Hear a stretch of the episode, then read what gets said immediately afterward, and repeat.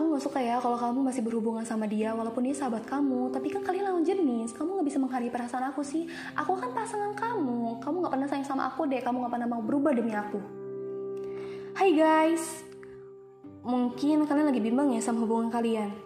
Kenalin, gue Pita Amelia yang pengen ngebahas tentang modern love, toxic relationship.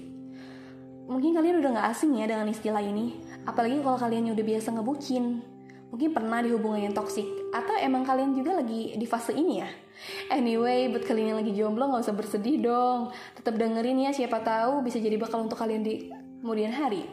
Karena kan kalian nanti suatu saat punya pasangan, dan kalian harus tahu nih pasangan kalian itu bakalan toxic apa enggak, agar kalian terhindar.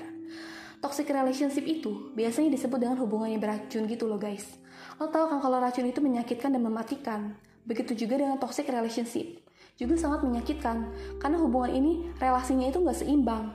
Salah satunya ngerasa direndahin dan diserang. Kalau lo berada di hubungan ini, yang toxic ini, dipikir-pikir lagi ya guys. Jangan sampai lo ngerasa lo karena lo sayang sama dia, lo ngerampas kebahagiaan diri lo sendiri. Cuma gara-gara cinta, bukannya bahagia malah menderita nanti dampaknya ke kesehatan mental kalian loh. Toxic relationship itu biasanya baru kita sadari pas kita udah ngejalin hubungan yang lama sih. Kalau baru-baru mungkin belum sadar, tapi lama-lama makin kerasa nih dan makin nyiksa. Tapi ada juga loh yang ngerasa senang dicemburuin, diposesifin, dimarah-marahin sama pacarnya, atau bahkan sampai dibentak-bentak. Alasannya sih demi kebaikan kamu, atau karena dia sayang sama lo makanya lo diposesifin. Padahal itu nggak bener loh guys.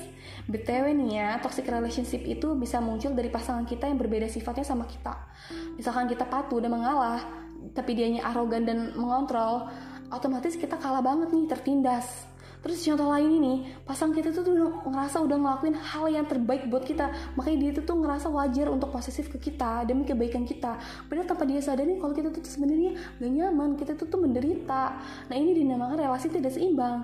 Tapi ada juga kok yang dua-duanya saling toksik, makanya biasa-biasa aja. Di sini gue juga bakal ngejelasin ciri-ciri hubungan yang toksik guys, biar kalian itu tuh bisa berhati-hati nih.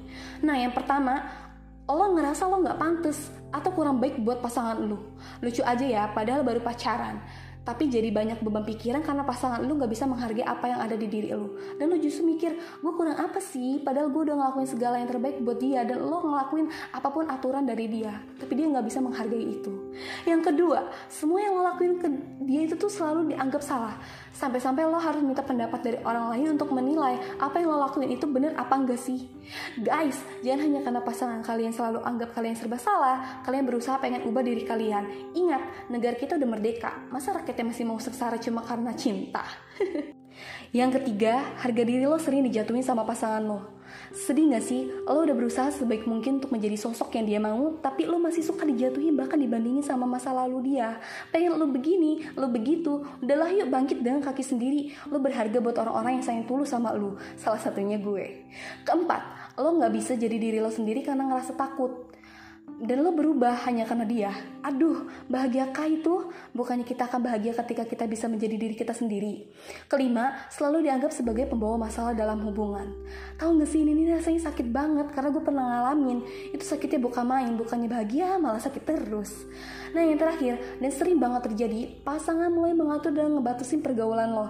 Sampai-sampai lo kehilangan temen dan orang-orang terdekat lo. Sedih banget kan? Nah guys, jadi kalau misalkan kalian ngalamin nih hubungan toksik seperti yang gue jelasin sebelumnya, ingat ya, kalau berada di hubungan toksik, harusnya sekarang lo tahu bagaimana lo sama dia selanjutnya. Gue nggak bisa ngejudge sih kalau hubungan itu salah. Kembali lagi kepada yang menjalankan. Apakah saling nyaman atau ada yang menderita? Ingat, kebahagiaan lo ada di tangan diri lo sendiri. Jangan bergantung pada orang lain. Semangat ya. Masih banyak kok yang sayang sama lo, salah satunya gue. Salam ya dari Evita Manis.